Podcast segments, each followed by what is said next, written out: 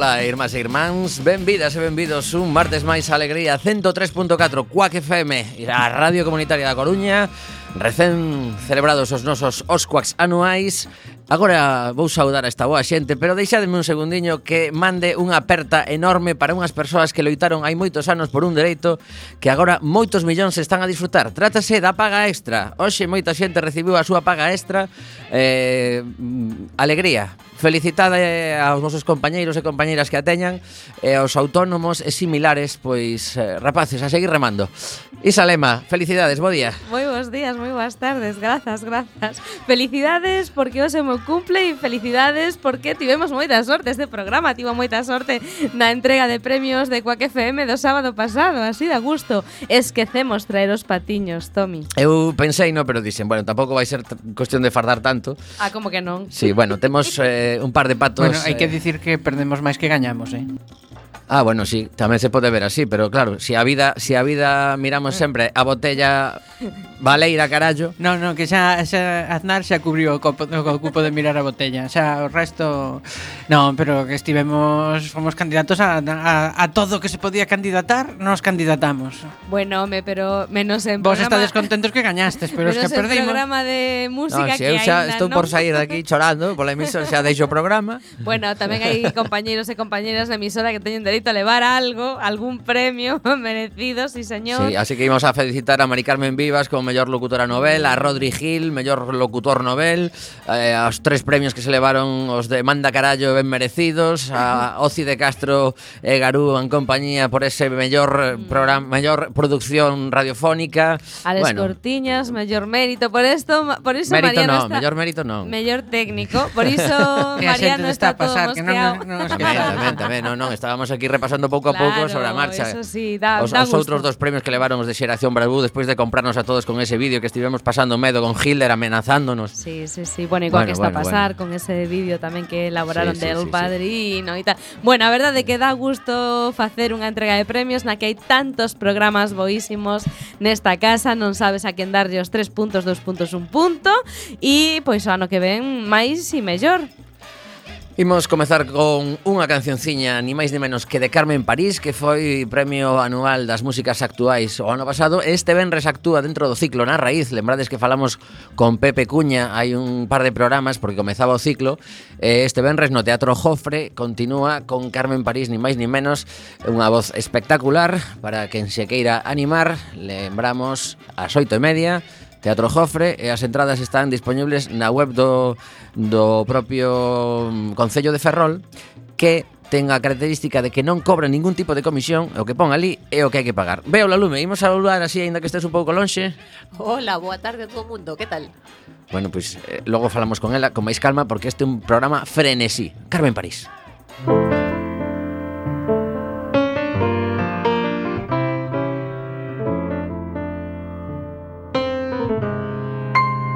Dicen que han dicho que dicen.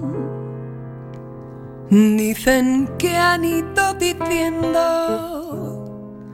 Y entre dimes y diretes llevas la petaca llena. Que si oye, que si mira. Que si fíjate qué Y con esta tontería ya he terminado una estrofa que dicen mientras no hacen.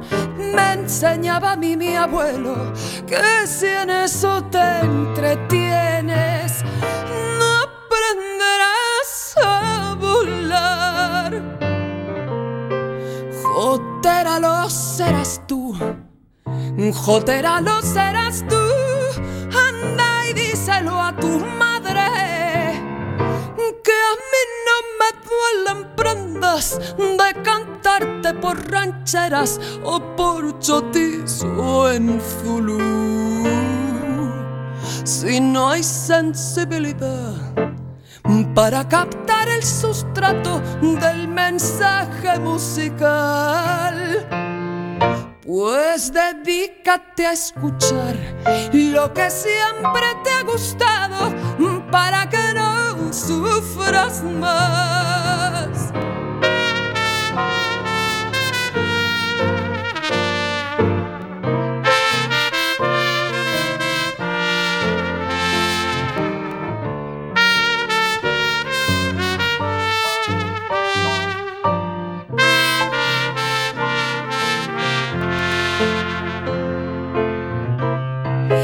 Pican, los mosquitos. Pican con gran disimulo. Unos las entendederas y otros pican el orgullo. Sea por H o por J sea la Y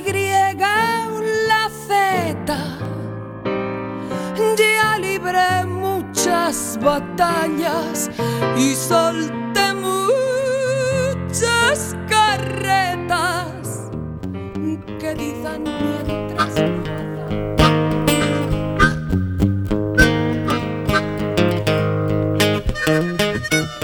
Xa son as 6 e 9 e continuamos en directo en Quack FM, pero agora con un montón de voces novas, catro mulleres que nos acompañan, así que hoxe estou maravillosamente rodeado de xente ademais moi moi pequena ela, eh? Ose cruzamos, temos un programa moi intenso, imos a falar, por suposto, das eleccións deste domingo, pero eh, temos a verdade que tres entrevistas preparadas e vamos a comezar cunha entrevista educativa, porque por suposto, pois cando falamos de eh, bueno, pois de construir un país mellor, tamén temos que falar de construir un mundo mellor. E na en diversos centros da da Coruña, de centros educativos da Coruña, pois estáse poñendo en marcha por segunda ou terceira edición un proxecto que se chama O Mundo que Queremos, que desenvolve, bueno, pois cooperación galega en colaboración tamén con Agareso, que é unha asociación galega de reporteiros solidarios, e esta xente toda púsose en contacto, por exemplo, con eh, con África López, que é profesora do IES Lugris. Moi boas tardes, África. Boas tardes.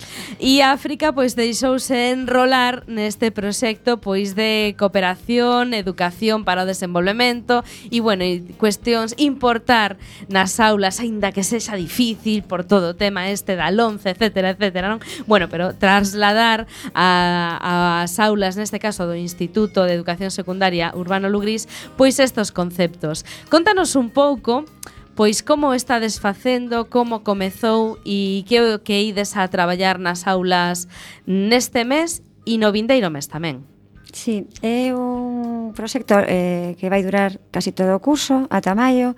Eh, se cha, eh, está dentro dos proxecta que, que ofrece a Consellería de Educación e se titula O mundo que queremos e a idea é facernos conscientes das desigualdades que hai no mundo e a partir de aí aportar o noso gran área para que esas desigualdades eh, se, se, sexan un pouquiño menos, non? Des, eh, un pouco traballar desde o local, pero coas perspectivas global.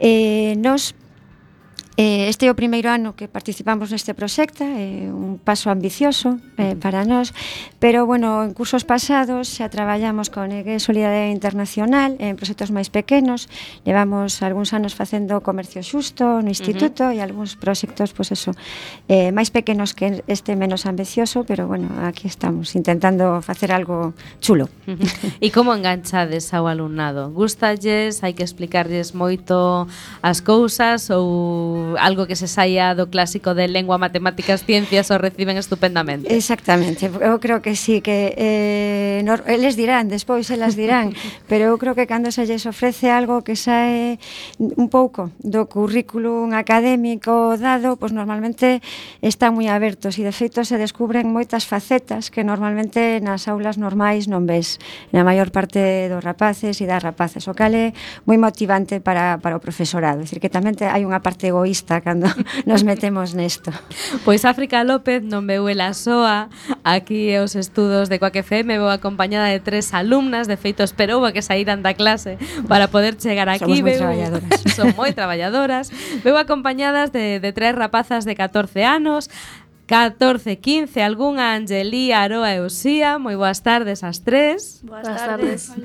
E a pregunta, lóxicamente, a pelota agora está no voso tellado, non? Que tal? Eh, como vos gusta? Gusta vos este sí. proxecto do, do mundo que queremos? Moito. Sí, moito. Moito. E por que, Aroa, por que, por que vos gusta? Porque non é como os outros proxectos, é uh -huh. diferente. Xogamos, eh, nos explican dunha forma mm, que enreda máis ao, ao alumnado. Uh -huh. E hoxe tiveches a oportunidade e esta é unha das razóns polas que tamén vos convidamos aquí en Coac FM tiveches esa oportunidade de facer un simulacro de programa de radio non esta é unha das diferencias de, deste proxecto en, en comparación con outros non que se empregan pois eh, as artes eh, fotográficas, verdade? E tamén pois eh, o recurso radiofónico para, mm, bueno, pois para traballar estes conceptos de solidaridade. Como facedes? Eh, mm, hoxe fixemos entrevistas entre os alumnos e nos di, mm, dixeron varios eh, como, eh, como decirlo, trucos para uh -huh. levar ben o da radio. Ajá. Eh, nos enseñaron a facer cuñas de anuncio, de, o sea, de publicidade. Eh, un pouco máis. Fixemos uns grupos para... Era, era a primeira toma de contacto, non? Sí. A ver, Angeli, que trucos vos ensinaron? A ver que podemos aprender. Moitas cosas. que, que trucos vos ensinaron? A ver, eh, contanos. Eh, la cuña. Y cuando, antes de empezar la emisora, que... Eh, no sé cómo decirlo. Eh, abrir la boca para... Ujú. Para vocalizar, Para para, vocalizar. ai, vale, moi ben. Em, y con la lengua. No sé. O sea, tru- trucos de expresión. Estamos Vale, agora- sí, na, sí. na parte previa de empezar a falar son os trucos de expresión. Uxía, ti, por exemplo, que, que parte che tocou facer? Durante este programa desta mañá, ou estas prácticas. Eh, dijimos todas. Todas pasachedes por todo. Sí. E quedou ganas de, de repetir a experiencia e ir aprendendo un poquinho máis. Por exemplo, agora mesmo estades así como un pouco eh, dicindo este medio aínda non o temos dominado. Sería cuestión de vir todos os días para sentirvos sí. como na, na propia casa? Sí, Bueno, eso está claro. aquí un pouco cortadas. Normalmente son máis locuaces en clase. Sí, no, é, é normal, o primeiro día pasan estas cousas, pero eso, é cuestión de estar aquí un rato e xa se lanzarán seguro. Bueno, como traballades? Cales son as temáticas que estades a desenvolver este ano? no, no instituto? A ver, eh, no proxecto Mundo que Queremos participamos cinco institutos en realidad de Galicia. Dous son da provincia de Pontevedra, un de Carballo, O, aquí en Coruña tamén está o BIRZ e nos.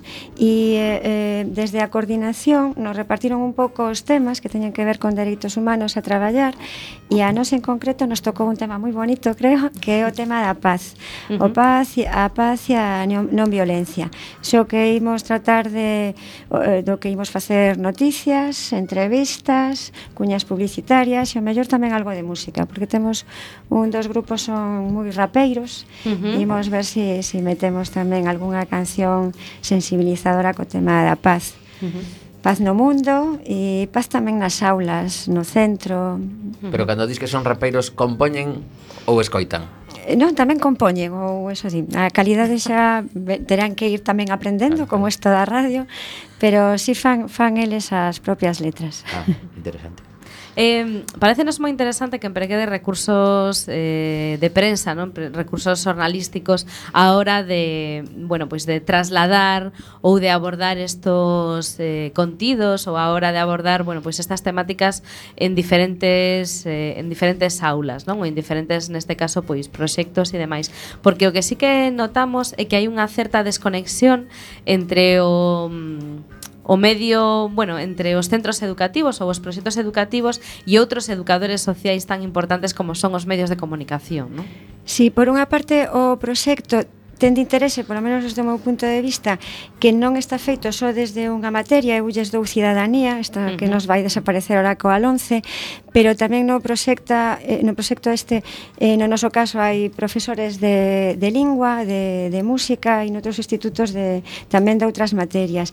E logo por outra parte, eso, a conexión coa realidade, eu creo que é algo que o alumnado soe votar en falta, moitas veces de feito te, te preguntan, pero isto que aprendemos aquí para que serve, non? e, e eh, con este con este proxecto e outro, pois ven que que eh, a realidade está máis cerca, non? Que a aula non está tan lonxe do que hai uh -huh. do que hai fora do instituto. E a vos, eh, por exemplo, estamos a falar da, da conexión coa realidade, Está vos a interesar o que se comenta na campaña electoral ou aínda vos, vos queda un pouco lonxe? Calquera das tres. Contestade... A mí quedame lonxe. Non pensades que vos influe, por exemplo, vos está dicindo ah, sí. a vosa profesora que al 11 vai facer que cambie pois a, a parte da, da asignatura de ciudadanía, a parte da música, todo ese tipo de cosas van vos afectar directamente sí. o que suceda na selección. Sí. Por Temas tanto, como os que tratamos da violencia de xénero e demais. A igualdade... No, uh -huh. Cal é a asignatura que vas vos gusta? O cal é o tema, a temática que vais vos interesa? Música. Eh, sí? sí, música e ciudadanía, me gustan esas dos materias. Sí. Non influe que este a profe delante, ¿no? No, no, no, no. Non, no a subir a nota. E notades que hai moitísima diferencia a hora de, de afrontar os, trema, os temas entre uns profes e outros? Esta é unha pregunta complicada complicada non sei, pero comprometida, acabas de poñer unha cara. que contestamos agora? A ver, todos sabemos que é máis complicado facer atractivas as matemáticas, por exemplo, sí. que outras asignaturas. Non, a ver, a mí gústame, pero a profesora non. Por aí é un pouco a pregunta. Aquí Tomás conseguindo outro suspenso na súa longa no, nómina no, que va... unha boa profe no, son, son voces ficticias, eh, todo. Teñen unha boa profe de mates. Tiña que poñer aquí o, código. O que pasa é que mellor é moi dura, non? O mellor é moi exigente. Sí. Pois pues nos quedan tres minutiños de entrevista porque este programa é así tremendo, pero resulta que dentro de nada a, a entrevista que imos facer a continuación vai ser con unha das persoas que podería estar no Congreso dos Deputados a partir do mes de xaneiro. Uh -huh. Sabedes que o domingo imos a votar, pero hai un, hai un período no que se, se conforman as cortes Se vos ocurre algunha pregunta que lle poderíamos facer a este, neste caso é un, é un candidato? Outra pregunta complicada que vos lanzo. Ou a profe, por exemplo. Mentras elas pensan, a África que se lle ocurre o sea, que a primeira fazer? pregunta que lle faría é que o que vai propoñer, non sei de que partido é o candidato, entón. En Marea. ah, bueno, pois pues eso que vai propoñer Marea respecto a, a paralización da 11, que supoño que querrán paralizala, pero eh, con que rapidez e con que consecuencias e todo o que teña que ver coa, coa busca de, de unha lei consensuada de, de educación que estamos pedindo a, a gritos no? desde a sociedade desde hai bastantes anos. Que pasa neste país que nunca hai unha lei de educación. Pois pues que hai España... maiorías absolutas que é unha cousa fantástica para cargarse todo. Que parece que non sei, que esa prioridade que se enuncia moitas no, veces que temos a pregunta esperando, eh? sí. eh. eh na práctica non parece creerse que realmente se sea algo prioritario como moitas veces se di. Uh -huh. Pero é máis necesario que haxa unha lei de educación moi reguladora ou que o profesorado teña unha maior capacidade de pois para abordar as temáticas e innovar na aula con liberdade e creatividade? Eu creo nunha educación aberta que ten que cambiar moito eh, sendo eso cada, con máis liberdade. En todo caso, creo que o fundamental é que a lei sexa froito dun consenso, que a lei sexa froito de escoitar moitas voces, no? de profesorado, por suposto, e de todos os implicados na, na comunidade educativa e tamén de expertos, de expertas, e observar pois, o que se fai noutros países en que hai bons resultados, no? En, no norte, en Finlandia e demais. Eh... Que ian, ian anular as asignaturas. Non? A, ah, eu, eu son unha forofa sin practicar da educación por proxectos. Uh -huh. eh, o que pasa é que ahora mismo en secundaria é moi difícil, eh, habría que empezar por primaria, en primaria se fai en bastantes, eh, eh, bueno, en algúns eh, colexios públicos, en secundaria non, e logo vemos como colexios concertados, privados, o van levando á práctica, o cal me parece ben, pero creo que aí a, a dianteira, a vanguarda, debía estar en mans públicas. Alguna. Algúnha vos animades a lanzar unha pregunta para este candidato? Aproveitade agora que isto é unha oportunidade sí. que pasa unha vez cada 4 anos. Seguramente cando cando saíades pola porta dirás, "Ai, se tiña 3 ou 4." Xa que vos gusta a música, o mellor tedes algunha pregunta relacionada con música, con cultura, con mocidade con poder entrar aos concertos que acaban de conseguir na Comunidade de Madrid, por exemplo. Non vos apetecería ir ás salas de concertos a un, a un espectáculo? Sí. sí. Non botades de menos algunha vez que, que vedes cartéis na, por la cidade, pasades por un, un escaparate que ten cartel de concerto de non sei quen en tal sitio. E dis, non podo ir. Teño 15 anos ou 14. Sí. Mm. Sí. Pois haberá que intentar cambiarlo. estamos niso, estamos niso. Pois pues nada, vamos a trasladarse a, a tono este tone, a tone, a tone, perdón. este esta pregunta sobre educación é moi interesante. O a semana pasada de feito falamos con outro candidato tamén sobre temas de educación, pero moitas grazas a África, moitas grazas a Angelí, a Aroa, Usía. Simplemente pois queríamos darvos a oportunidade non só de facer radio nas aulas, sino tamén de coñecer unha emisora de radio en bueno, pois en vivo e en directo e esperamos que a próxima vez que voltedes pois atraiades unha pregunta da casa preparada. Sí. Tamén vos falaron do guión, verdad? Non, sí. aínda non chegaron ao guión, sí, sí, sí. O sea, que coste que en clase viron algo de importancia de preparar os programas. Claro. Home, neste caso, neste caso como entrevistadas realmente non terían que preparalo, pero agora xa se decatan de que o mellor para soltarse un pouquiño, sí, pois porque eh, colocuaces que son en clase. Sí, sí, sí, pero bueno, impón o micrófono de Quack FM sobre todo con este pico de pato impón bastante. Moitísimas grazas, eh, vémonos dentro dun ano eh, con ganas de falar. Vale. Grazas, grazas. Escoitamos 30 segundos da nosa compañeira Silvia Penide que está en pleno crowdfunding e eh, continuamos coa chamada que estábamos anunciando do candidato número 1 ao Congreso dos Deputados Antón Gómez Reino de En Marea.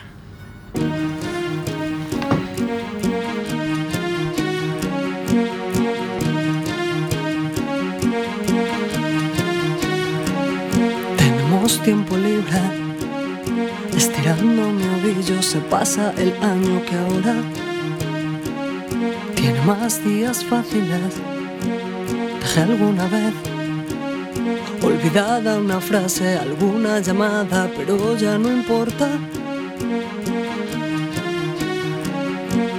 Me gusta mirarte en esos momentos en los que no hay nada que te preocupe tu gesto discreto cobra de repente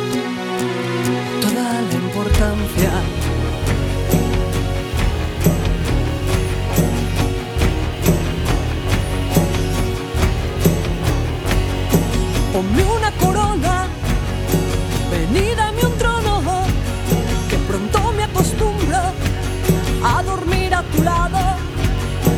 Me gusta mirarte en esos momentos en los que no hay nada que te preocupe y tu gesto discreto cobra de repente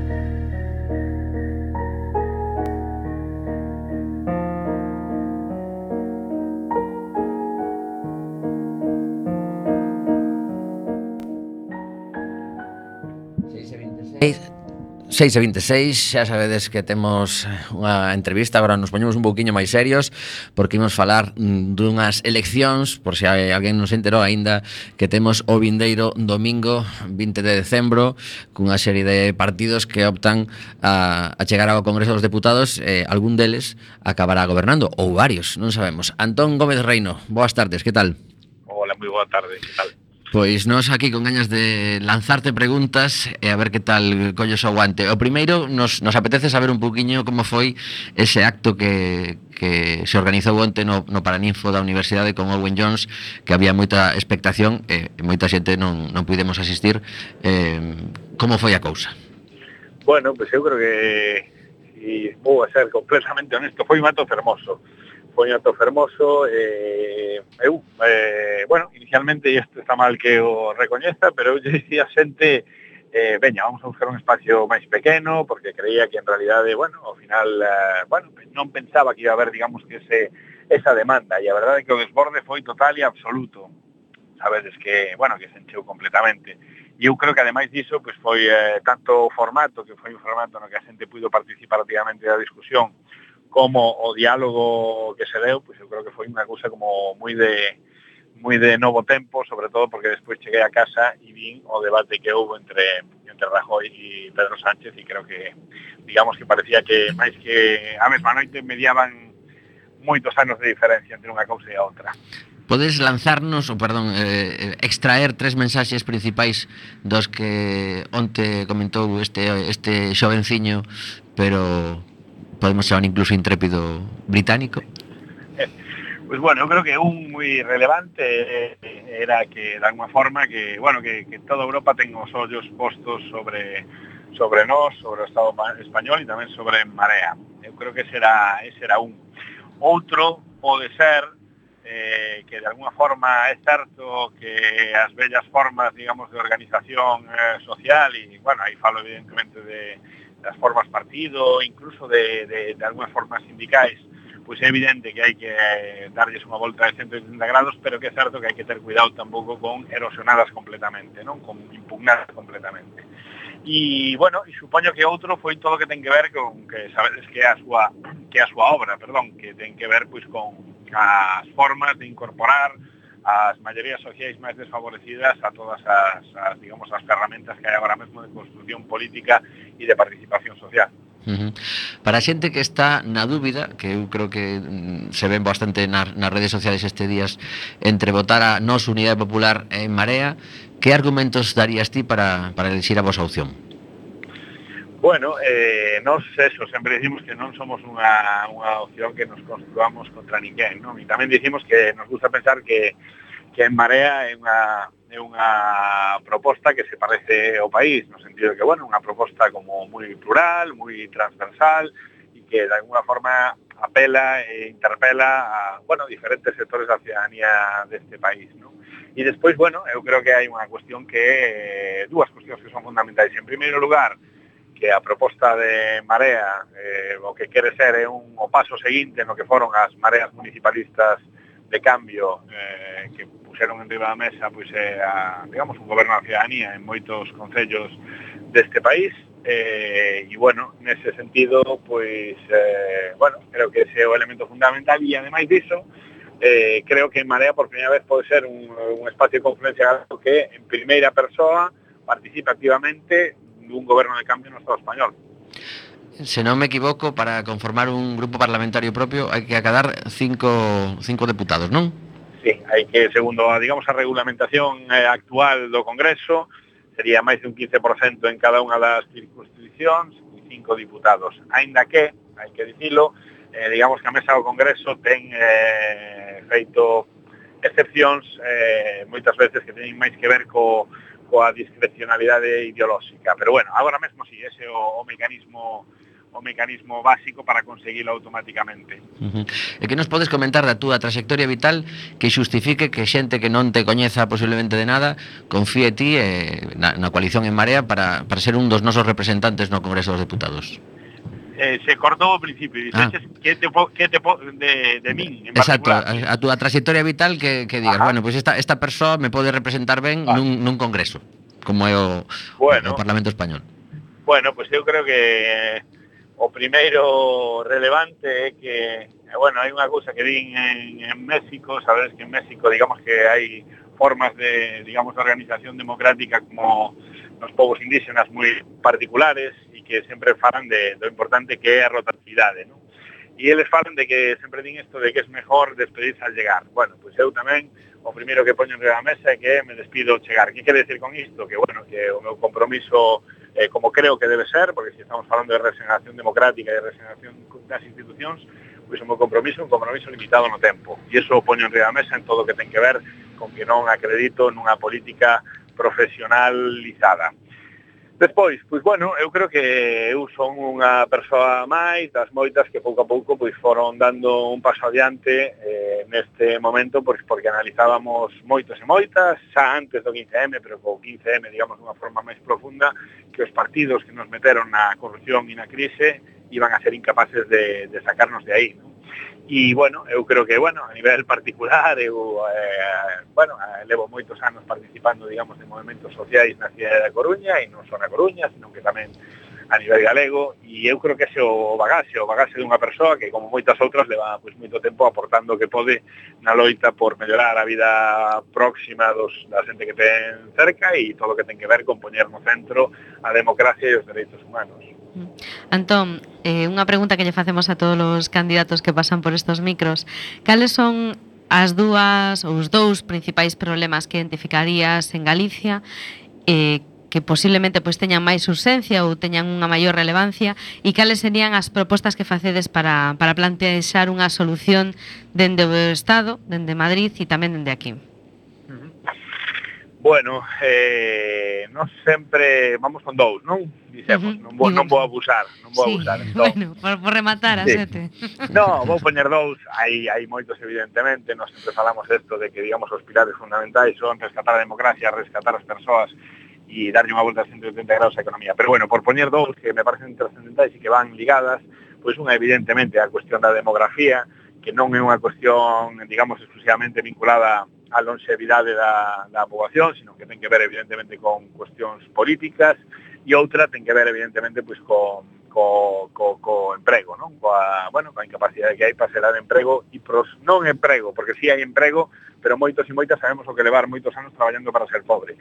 Condicións de vida de tal forma que a xente non teña que emigrar, non? Eu creo que son dúas cuestións centrais que ademais van moi ligadas porque eh, a xente non vai volver aquí ou non se vai quedar aquí por unha cuestión de, de morriña, sino que se vai a a quedar aquí e vai a construir o seu proxecto de vida neste país en función de que seamos capaces de, de, de bueno, de producir condicións materiais de existencia boas para para a ciudadanía.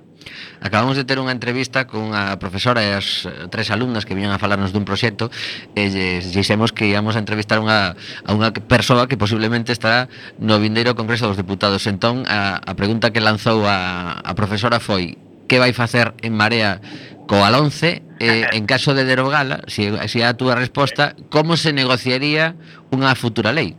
Sí, eu creo que, vamos, é evidente, hai que derrogar unha, unha reforma unha reforma que por primeira vez puso de acordo a toda a comunidade eh, académica e, e escolar e que de alguma forma nos levou a ou nos retrotraeu a anos atrás. Eu creo que como se pode facer? Pois como hai que facelo todo, contando con todos e todos quer dizer todos os actores eh, eh, da comunidade educativa que teñen que ver con isto. E non simplemente hai que facelo ademais dunha forma, digamos, que máis clásica, non sempre, bueno, falamos de que de alguna forma é importante incorporar tamén, pois incorporar os pais e as nais, incorporar, digamos, a, a outros segmentos da poboación a unha corresponsabilidade sobre todo que ten que ver co, co modelo educativo. Entón eu creo que, vamos, non sempre ponemos en a mesa desde Marea e desde, bueno, todos os espacios, digamos, eh, que se están xerando, que a mellor inversión que pode facer unha sociedade é a educación, e eu creo que aí hai que facer por primeira vez neste país sentar a todos os actores do mundo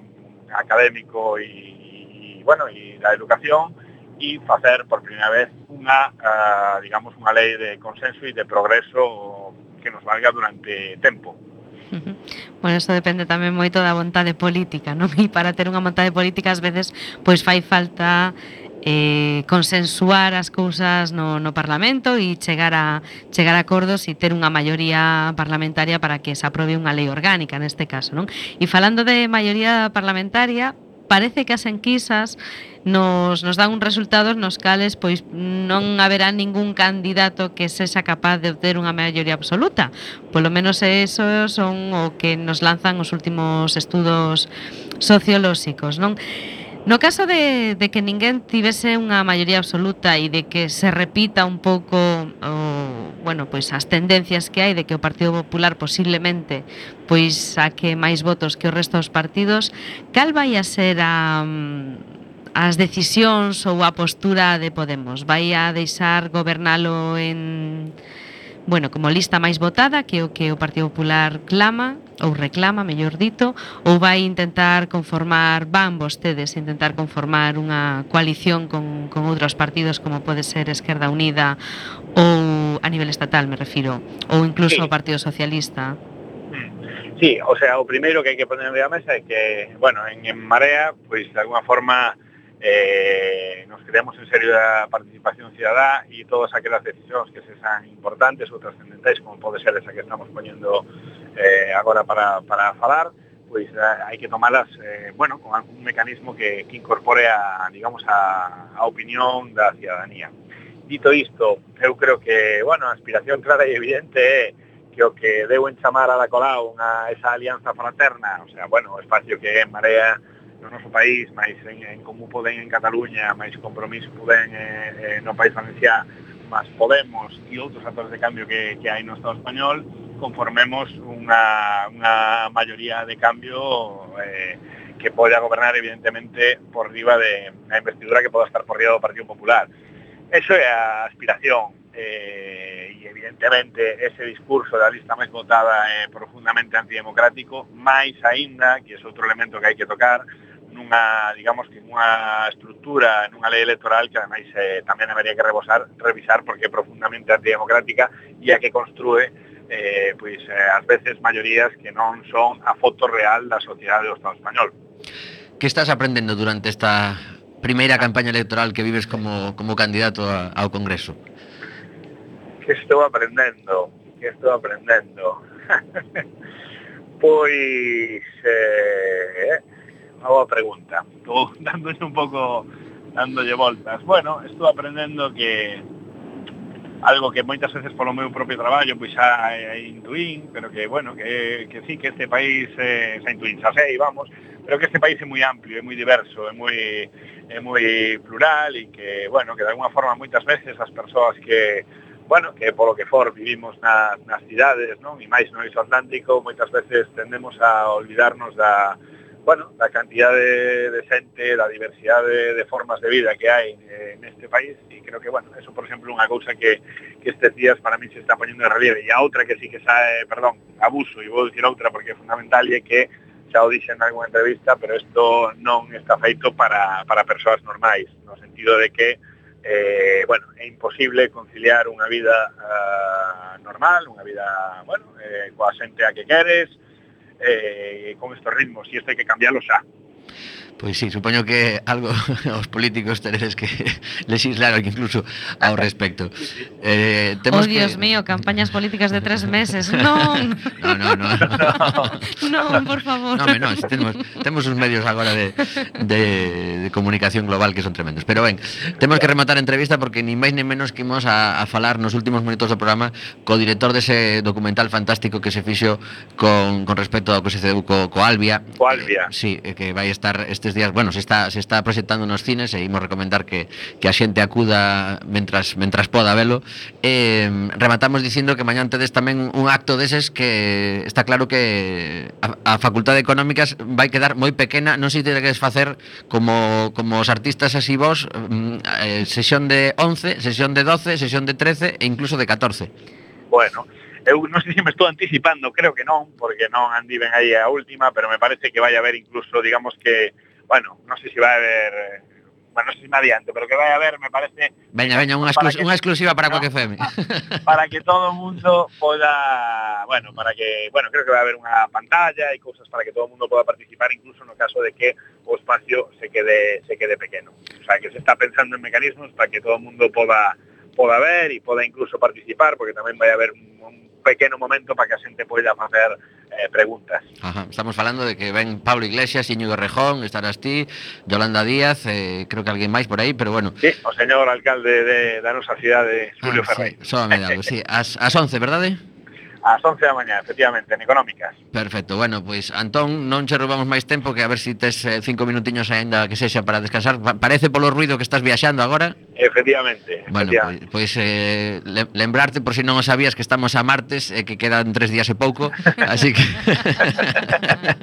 No, desgraciadamente vou contando, vou contando que Ose martes estou en Washington. Eh, de final countdown, sí, sí. Bueno, unha, unha aperta e forza por estes días. Veña, moitas gracias. gracias. E unha aperta a vos. Forza.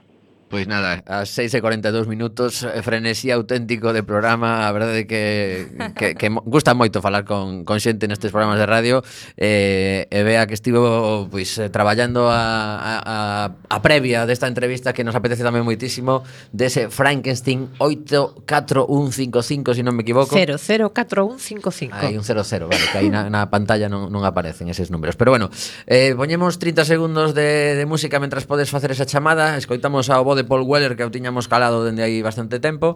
Eh, falamos... E así, e así nos enteramos que significa eso de 00413. Eso, eso é o máis fácil, xa veredes.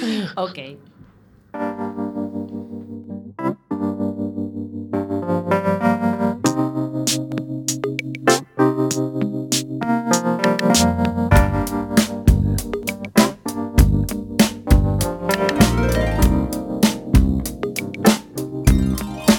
Wishing on a star to follow where you are.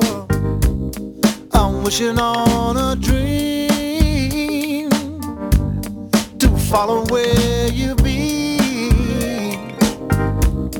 And I'm wishing on all the rainbows that I see. I'm wishing on all the people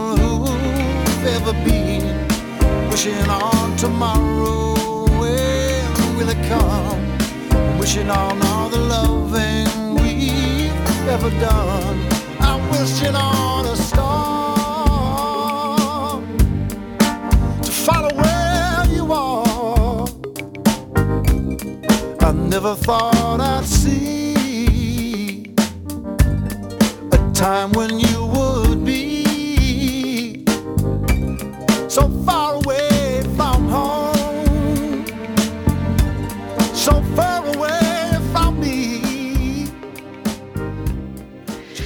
E falamos agora con Aitor Rey, director dun documental que se emite estes días na Coruña, Frankenstein. Bueno, en, toda, en toda Galicia hai máis sitios, é eh? tremendo. Eh, mm, eh? Está, sí, eh. sí, sí, sí, sí. Eh, chamase o documental Frankenstein 04155 sobre o accidente ferroviario do Albia Albia 04155, dai o do 04155, en Angrois en xullo de 2013. Eh, hola, Aitor, boa tarde. Ola, Aitor. A ver, a ver se si non o perdimos, se si non se nos escapou. Uh -huh. Agardamos recuperalo en breves instantes e se non hai que chamalo de novo. A ver que pasou aí, pero bueno eh, Eu aproveito para comentar que se si entrades na páxina web do, do propio documental Frankenstein04155.com E ides a noticias Nos comentan onde se pode ver esta película durante os vindeiros días. Ajá, efectivamente. E, e como xa... vos dicía, pois eh, temos a proxección da Coruña que é nos cines dos cantóns, do, como se, o sí. centro de ocio do... Sí, sí, nos queda hoxe, mañá e pasado. Eh, Aitor? Hola, Aitor? Seguimos en ter, Aitor? Bueno, pues non sabemos. Bueno, pois pues continuamos. A ver que está eh, aquí. Sí, eh, nos queda para velo, porque xa eh, empezaron as proxeccións o día 11, eh, rematan o día 17, ou seja, xa quedan hoxe, mañá e pasado para velo nos, nos cines dos cantones Village. Uh -huh. eh, hai dous pases diarios ás 6 da tarde e ás 11 menos cuarto. Repito, hoxe, mañá e pasado. Hola, Aitor tarde. Hola, boa tarde. Por fin estamos contigo. Mira, Aitor, xa nos quedou claro o 04155 que é o número do Albia, pero por que Frankenstein 04155? A que ven este título? Frankenstein era, era o nome, eh, o, o mote que, que lle puxeron os maquinistas e directivos de Renfe o, o, tren, o tren que facía o servicio a Albia que, que, bueno, que tuvo que tuvo a, que provocou a traxedia e que, e que ten 81 falecidos no, no seu haber. E este, lle puxeron este mote ou este sobrenome porque estaba construído a trozos ou retales de outro produto, o tren Albia S130 Entón, como estaba construído un pouco como enxendro da película o Frankenstein, pois os propios maquinistas e directivos de Renfe pois bautizaron así con ese mote e con Frankenstein e, o, e como ti ben dixetes, o 04155 é o número de servizo que realizaba ese tren o día da tragedia. Uh -huh. Durante o, o tempo que estiveches preparando a, a produción deste documental, eh, podes dicirnos dúas ou tres sorpresas Mm, grandes que levaras e que seguramente non lle chegou a, a xente que estuve ao mellor seguindo pois o, o suizo no seu momento os primeiros días pero que despois eh, quedou un pouco aparcado ese tema na súa vida diaria pero ti que investigaches as, as maiores pois, sorpresas a, que o tren vai con un exceso de peso, según a propia documentación de Renfe, un exceso, un exceso de peso que, que non contemplan as normativas, é decir, que se salta as normativas e o tren fabricado por Talgo e por Bombardier sigue circulando con ese exceso de peso, repito, según a propia documentación de Renfe e según o que trae rotulado o tren que pon Tara 391 toneladas, aquella hai que sumar os pasaxeiros, bueno, non vou a incidir máis en aspectos técnicos, pero vamos, que a propia documentación de Renfe e o, e o propio que rotula Talgo nos propios tres indican que o tren vai con un exceso de peso, un tren que sigue circulando con ese exceso de peso según a súa propia documentación e nin os xulgados parece que investigaron esta, esta cuestión eh, porque isto utilizou non no recurso de reforma o abogado da plataforma de víctimas a documentación na que está basado o documental en gran parte porque a documentación é a documentación de instrucción judicial e documentación evidentemente que nos conseguimos por diferentes camiños e por diferentes liñas de, de investigación. E unha das cuestións que máis te chama a atención en pleno século XXI é que un tren está circulando con exceso de peso que se demostre según os seus propios documentos e demais e que non pase non pase absolutamente nada. Tamén outra das cuestións que, que chaman a atención é que, que se desconecte un sistema de seguridade porque, e tamén cito outro documento de Renfe que figura no documental para evitar retrasos. No? entonces claro, se si ese sistema de seguridade non estuvera desconectado e estuvera funcionando, non sucedería o, o accidente. E se si o tren non levase ese exceso de peso, pues probablemente en verdade haber 81 mortos, pues habría 15, 20, nunca se va, no, no, no poder saber, pero claro, ese exceso de peso eh, fai que nos vagóns eh, onde hai maior número de mortos eh, son nos vagóns que van pegados ao furgón xerador traseiro.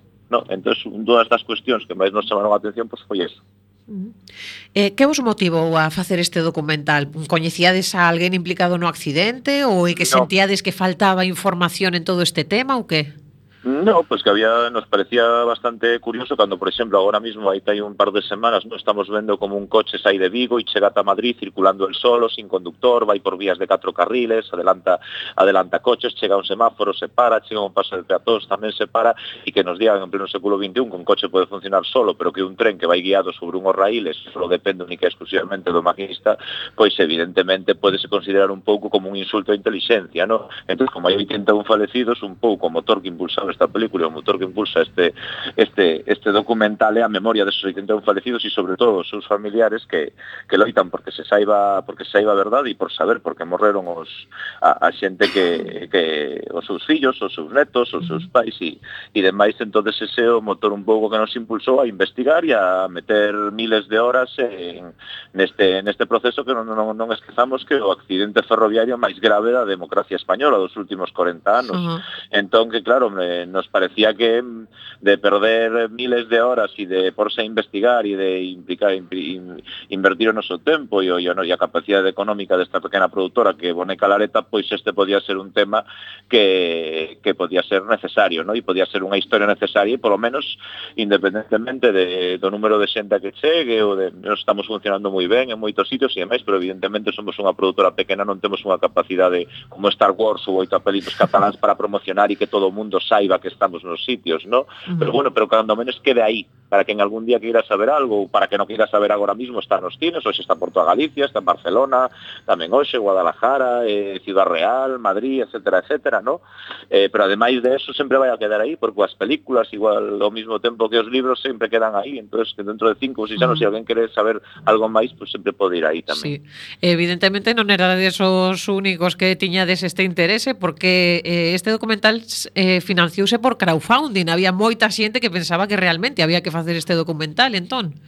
Sí, unha parte se financiou por crowdfunding, porque ben é certo con crowdfunding sigue levando a cantidade final que recauda un crowdfunding, aquí creo que foron 50 algo mil euros, leva un 21% de IVA okay. que hai que descontar, un 6,1 que se leva a plataforma Berkami, pagos e demais, aquí a produtora Bone Calareta eh, meteu tamén unha parte importante nesa parte económica e si, ben é certo, como ti dis, ese primeiro refrendo para saber si, si, si había que impulsar, ese primeiro impulso evidentemente vende 1.500 mecenas, os cales ya estamos moi moi agradecidos, ¿no? porque gracias a él despois arrancamos este proxecto e grazas á productora con Bona y Calareta pues chegamos a todo final e estamos agora mismo pues bueno, nos cines, que xa moi raro que un documental chegue a salas comerciais, ¿no? Creo que somos o documental de neste 2015 de, de todo o estado que, que en máis salas saiu ao mesmo tempo, ¿no? Mm. Eh, curioso, pero pero sí, porque os documentais evidentemente non chegan ao cine, non é, non é un consumo masivo de, deste de este tipo de producto, ¿no? O público pues se deriva máis pues, da ficción e outro tipo de cuestións, ¿no? E tiveche de recoñecer coñecemento de cara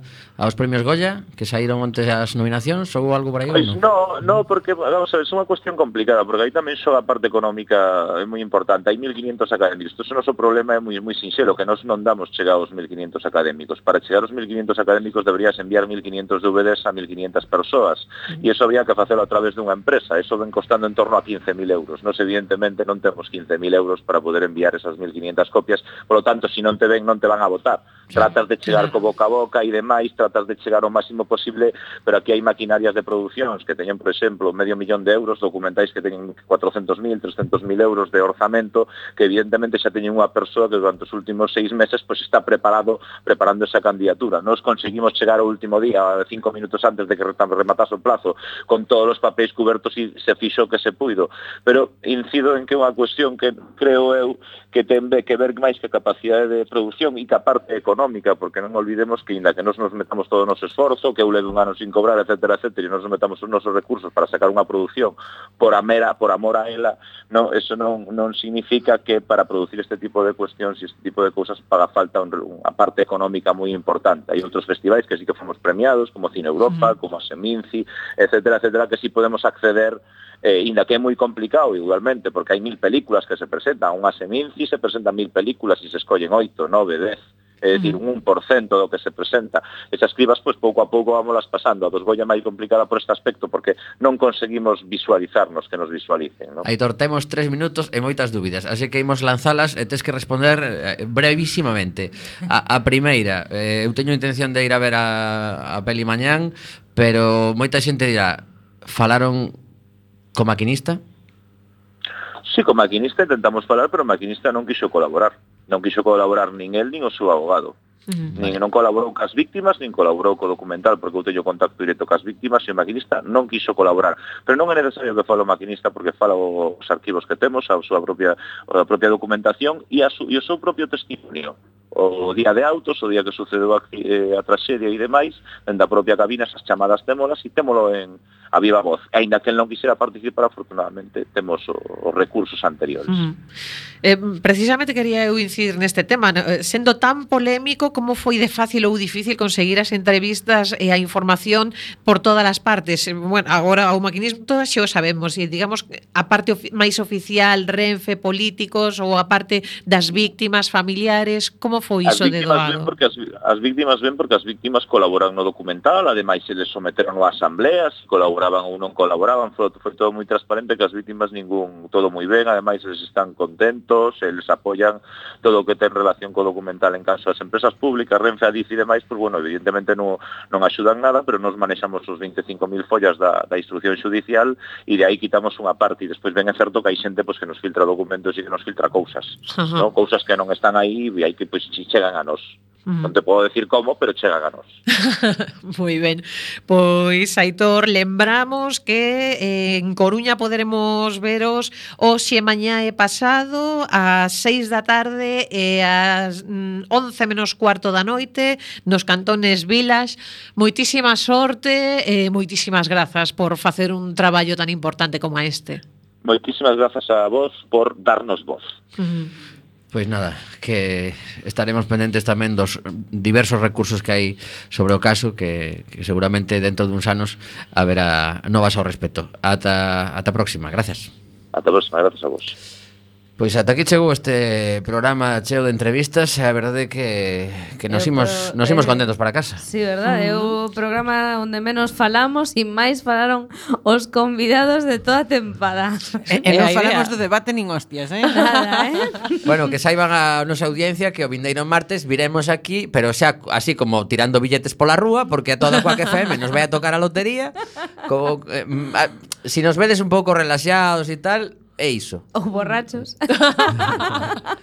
bueno, que vos deixamos con recendo. efectos das burbullas. Pasade o ben e votade, por favor, votade. Taloguiño. guiño.